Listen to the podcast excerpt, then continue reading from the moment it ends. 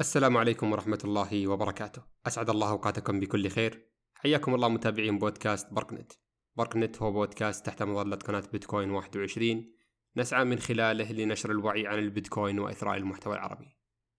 يا أهلا وسهلا متابعين بودكاست بركنت رجعنا لكم بعد قطعة طويلة. كنا نشتغل فيها على مشاريع أخرى فمنكم المعذرة. اليوم إن شاء الله زي ما تشوفون بالعنوان بنتكلم عن صعوبة البيتكوين أو ليش البيتكوين مو صعب وسهل الفهم؟ فيه عبارات كثيرة تتردد مثل إن ذا البيتكوين مو سهل الفهم أو البيتكوين معقد أو البيتكوين ما ينفع لكل الناس. لكن هذا الكلام من وجهة نظري على الأقل مو صحيح أبدا. البيتكوين إن وجد أصلا لكل الناس ومو للأشخاص اللي عندهم قدرات تقنية عالية أو اقتصادية. أكيد هم من ضمن الناس اللي إن وجد لهم لكن البعض يعتقد أنهم هم الوحيدين القادرين على استخدام البيتكوين بكفاءة عالية لأنه يتطلب مهارات خاصة هم يملكونها. لكن اليوم إن شاء الله بقنعك أن البيتكوين أسهل من ما تتوقع وأنه إن وجد للكل الصغير والكبير وحتى للغير متعلم. أولا بتكلم عن ليش البيتكوين مو صعب الفهم اقتصاديا. وعشان نفهم هذه النقطة لازم نرجع للماضي. قبل مئات وآلاف السنين.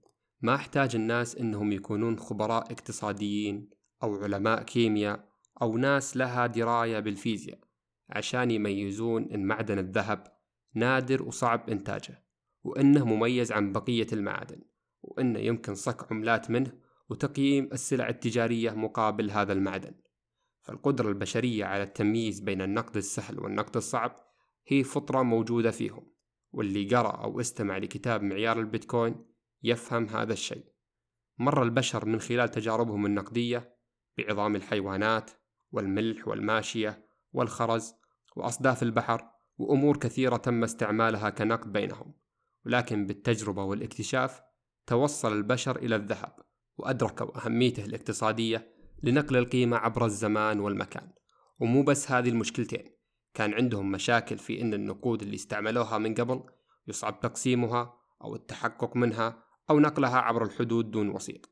في عصرنا الحالي وصل التطور البشري إلى العملات الورقية المصدرة من قبل البنوك المركزية، وسبب وجود هذا الخيار من الأساس لسبب بسيط واللي هو بحث البشر الدائم عن النقد المثالي اللي ينقل القيمة عبر الزمان والمكان وقابل للقسمة والتحقق وأمور أخرى.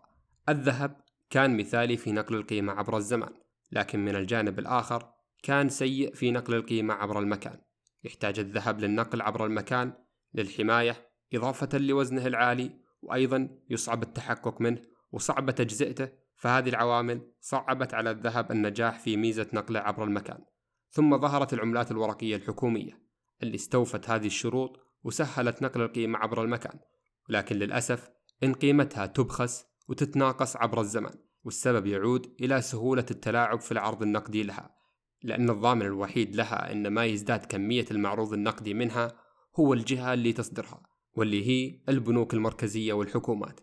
فكانت هناك دائما مقايضة بين هذه الميزات وكان لازم نثق في طرف ثالث عشان يضمن واحد من هذه الميزات إلى أن ظهر البيتكوين وهو نظام نقد إلكتروني من نظير إلى نظير لا يحتاج للثقة في أي طرف ثالث يتم صك عملاته بنظام التعدين من خلال صرف طاقة كهربائية عالية ويوجد منه 21 مليون قطعة فقط. يسهل نقل القيمة عبر المكان فهو ليس له وزن ولا يحتاج إلى إذن من أي أحد أو حماية لنقله عبر الحدود وأيضا قابل للقسمة والتحقق منه بسهولة عالية. وبما يتعلق بنقل القيمة عبر الزمان فالبيتكوين محدود ولا يمكن بخس قيمته بطباعة المزيد منه ولا يوجد جهة مركزية تتحكم بالمعروض النقدي لأن المعروض النقدي منه محدد ومبرمج مسبقا. يعني هذا بأن البيتكوين على عكس كل شيء عرفه البشر فهو نادر ندرة مطلقة وغير قابل للتلاعب من قبل أي فرد أو أي جهة بسبب لا مركزيته العالية اللي تضمن تماشي الجميع على القواعد وتطبيقها. إذا اقتصاديا البيتكوين أصبح مثال ممتاز على النقد الصعب اللي تدخر فيه قيمة مجهوداتك دون الخوف من المصادرة أو إمكانية بخس قيمته عبر الزمان. يعني البيتكوين هو الضامن بعد الله على أموالك والسبب لأنه لا يوجد سلطة تتحكم فيه. في زمننا هذا الادخار الآن أصبح مشكلة كبيرة. فإذا أنت تدخر لشراء منزل على سبيل المثال راح تظل طول عمرك تدخر وقيمة المنزل تتضاعف أمامك ولا عمرها راح توصل مدخراتك لقيمة هذا المنزل. وهذا هو التضخم واللي هو يعرف بأن زيادة المعروض النقدي من العملة. والسبب هو أن الجهة المصدرة لهذه العملة تقدر تزيد المعروض النقدي منها بدون أي تكاليف وعواقبها تؤثر على عامة الناس. بالتالي تبخس قيمة مدخراتك وتقل قوتها الشرائية مع الوقت. يعني هذا اللي يحصل على الفلوس وقريب من طابعة أموال البنك المركزي هو اللي يستفيد من قيمة النقد وقوته الشرائية. ثم تبدأ قيمة العملة بالتناقص تدريجيا وتكون أنت الضحية. في مثال قريب حصل في أمريكا لما طبعت الحكومة الأمريكية 2 تريليون خلال أزمة كورونا ووزعوها على عامة الشعب. للأسف كان هذا له أثر كبير على التضخم في دول العالم ككل. وإذا دولة وحيدة عندها القدرة على بخس قيمة مدخرات الناس في عدة دول أخرى فهنا لازم تعيد التفكير في وين تضع مدخراتك. يدعي بعض الاقتصاديين أن هذا الشيء مفيد للتنمية الاقتصادية لأن الناس هنا يدفعون مجبرين للمغامرة في مدخراتهم عشان يحاولون يجيبون قيمة هذا المنزل. فالناس تشوف إن قيمة الأصل هذا يتضاعف وأموالها قيمتها تتناقص فتحصل الموظف البسيط بدال ما يركز في عمله يبدأ يغامر في أسواق الأسهم أو الأسواق المالية الأخرى. وهذا برأي الاقتصاديين أنه مفيد للاقتصاد لأنه يوفر سيولة دائمة لهذا الاقتصاد. وتلقى هذا الموظف البسيط يربح مرة ويخسر مرتين وتستمر هذه الدوامة. فبدال ما يركز هذا الشخص في مهنته ويصبح متفوق فيها. على العكس تحصل متشتت فتحصل هذا الموظف البسيط صار محلل مالي ومضارب يومي في أسواق الأسهم والأسواق العالمية ومستثمر وخبير اقتصادي. البيتكوين مو صعب الفهم اقتصاديا لأنه حل جذري لهذه المشكلة. أنت تحتاج فقط لوضع مدخراتك في أصل نادر غير قابل للتلاعب. نقد صعب راح يحافظ على مدخراتك مع مرور الوقت. ممكن يجي سؤال بذهنك على طول. كيف يحافظ البيتكوين على مدخراتي وهو متقلب السعر؟ السبب في تقلب البيتكوين هو فقط بسبب جهل وتخوف الناس منه وقلة السيولة في البيتكوين. لا يتجاوز عمر البيتكوين 14 سنة من نشأته. فطبيعي جدا أن يكون هناك تقلب على المدى القصير لكن على المدى البعيد سيضمن جدول إصدار البيتكوين المحدود والصارم ضمان قلة المعروض منه. على عكس العملات الحكومية والسلع الأخرى البيتكوين ما تقدر تزيد المعروض منه أبدا. فهذا يضمن بشكل كبير حفظ قيمة المدخرات على المدى البعيد وزيادة قيمتها مقابل السلع والعملات اللي يسهل إنتاجها. بالنسبة للخوف والجهل اللي برأيي هو ما يتسبب بقلة السيولة في البيتكوين من الأساس. راح يتضاءل بشكل كبير لما يستكشف البشر البيتكوين مع مرور الوقت مثل ما اكتشفوا إن الذهب معدن ثمين ونقد صعب. وعلى عكس الذهب في البيتكوين ما راح تثق في أي جهة أو أي فرد على مدخراتك بل تثق بقوانين الفيزياء والرياضيات الثابتة اللي راح تحفظ قيمة مجهوداتك وتخليك قادر على الوصول لها أيضا من أي مكان في هذا العالم. أما في الجانب التقني هذا الجانب شوي يوحي لك إنه معقد وعميق. يعني كلنا نعرف إن في تعدين والعقد المشغل ل software البيتكوين وسلسلة الزمن في البيتكوين واللي هي تعرف بالبلوك تشين وتعتقد إنك لازم تعرف كيف تعمل الشبكة بالضبط وإيش هي وظائف كل وحدة من هذه اللي ذكرناها. أنا أنصحك بالاطلاع لكن إذا ما تبغى تتعمق في هذا الجانب فهذه مو مشكلة ابدا. تخيل البيتكوين هو ال PC أو اللابتوب اللي تستعمله كل يوم. أنت قدامك هذا الجهاز شغال بفعالية أمامك الأشياء اللي تحتاجها keyboard mouse شاشة وبرامج مثبتة على هذا اللابتوب. يعني هذا الجهاز قابل إنك تستعمله بدون أي مشاكل. إذا تبغى تعرف تفاصيل الجهاز طبيعي إن الأمر يزداد تعقيد شوي. هو مو مستحيل الفهم أكيد. لكن يصبح أصعب حبتين. إذا تبغى تعرف كيف تم برمجة ووضع نظام ال Windows بجهازك وإيش فائدة كرت الشاشة وال CPU وال RAM وإيش وظيفتهم شوي شوي تبدأ تلاحظ إن بدأ الموضوع يصبح أصعب عليك. بس لأنك بديت تتعمق بالأمور التقنية. قيس هذا المثال على كل شيء في حياتك. خلني أخذ فيك جولة بسيطة على البيتكوين تقنيا وأقنعك فيها أنه مو صعب تفهم كيف البيتكوين يشتغل. البيتكوين شبكة. وإذا هي شبكة يعني تقدر أنك ترسل وتستقبل فيها. طيب ترسل إيش وتستقبل إيش؟ أساس الغرض من هذه الشبكة أنك ترسل وتستقبل القيمة فيها واللي هي عملة البيتكوين. لكن أيضا ترسل وتستقبل غير العملة. يعني تقدر ترسل مقطع صوتي أو صورة نفس ما ترسل على الإنترنت. بس لحظة هذه الشبكة لها قواعد. يعني صحيح إنك تقدر ترسل وتستقبل أي حاجة فيها لكن لازم إنك تلتزم بالقواعد حقة الشبكة. مثل حجم الكتلة. يعني ما ينفع تجي تحط مقطع حجمه واحد جيجا وتحاول ترسله على شبكة البيتكوين.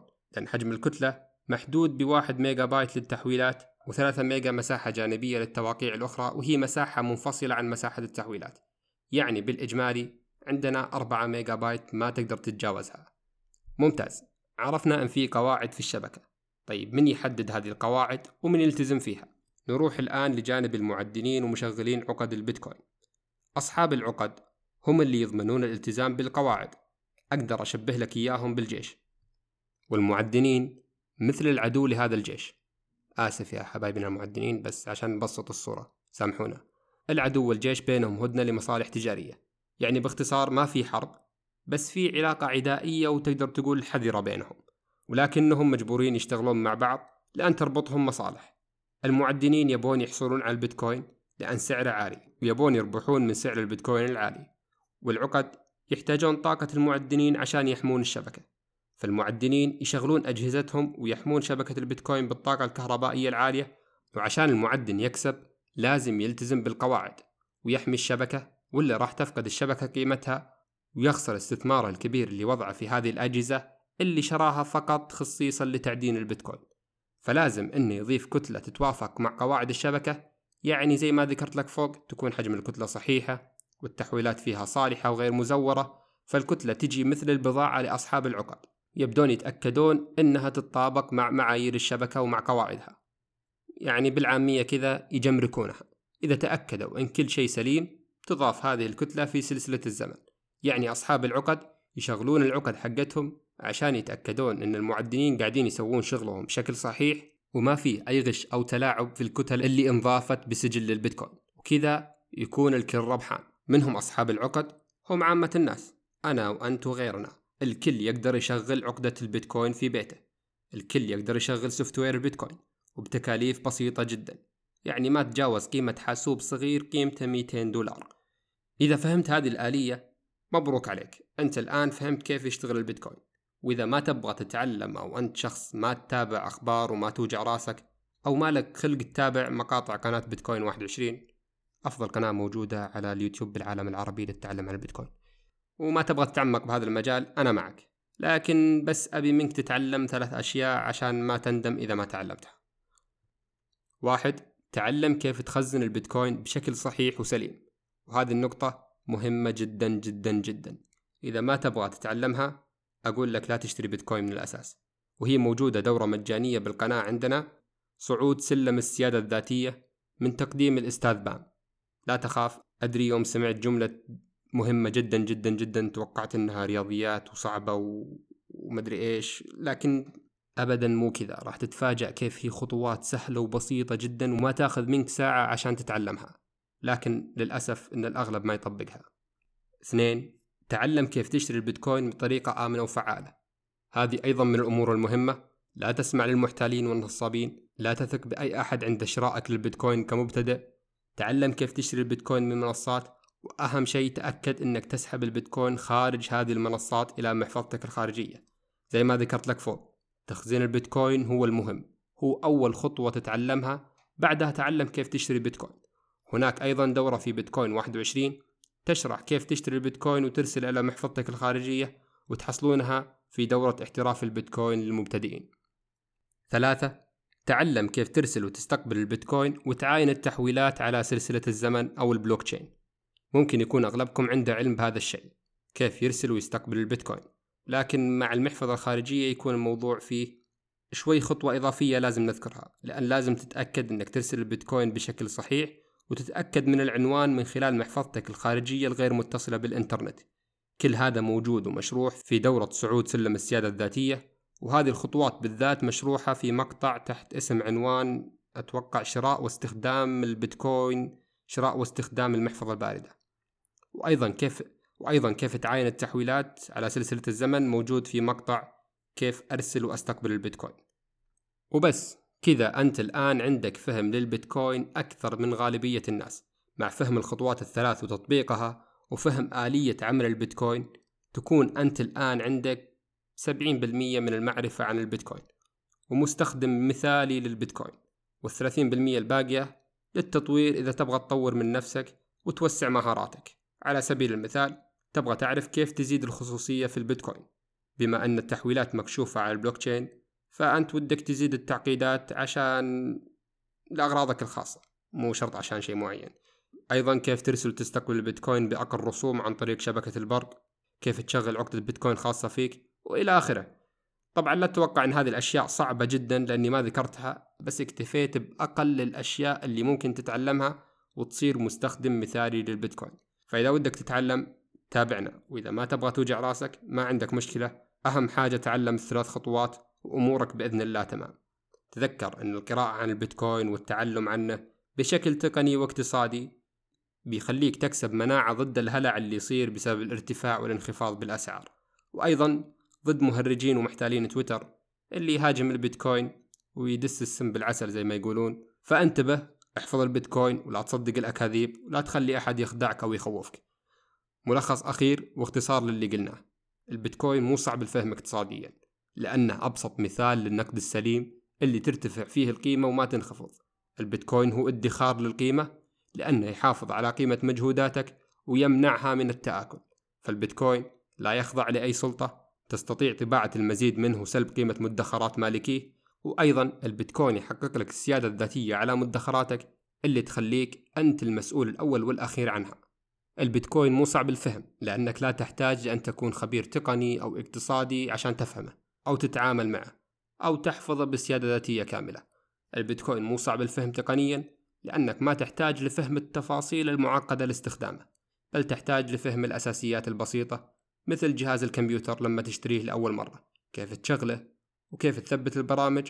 وهكذا. وبعدها يكون الموضوع سلس وبسيط ومجرد روتين اعتيادي بالنسبة لك. نصيحة أخيرة من أخوكم الصغير لا يتقدم فيك العمر وأنت لا تملك بيتكوين. اقتطع مبلغ صغير من دخلك وادخر بشكل شهري أو أسبوعي اللي يريحك. جمع الساتات البسيطة وخليها وديعة لك للمستقبل. جرب. إذا خسر البيتكوين فما راح تخسر أي شيء لأن مدخراتك فيه بسيطة. وإذا كسب صدقني أنت الكسبان. وصلنا للنهاية. أتمنى أنكم تشاركون هذه الحلقة مع الناس المبتدئين أو الناس اللي تعتقد أن البيتكوين معقد وأنه صعب جدا وأنه ما حد يفهمه غير التقنيين والاقتصاديين. البيتكوين سهل الفهم وإن وجد لكل الناس. أتمنى أنكم استفدتوا من هذه الحلقة. نلقاكم إن شاء الله بحلقات قادمة. كونوا بخير. في أمان الله.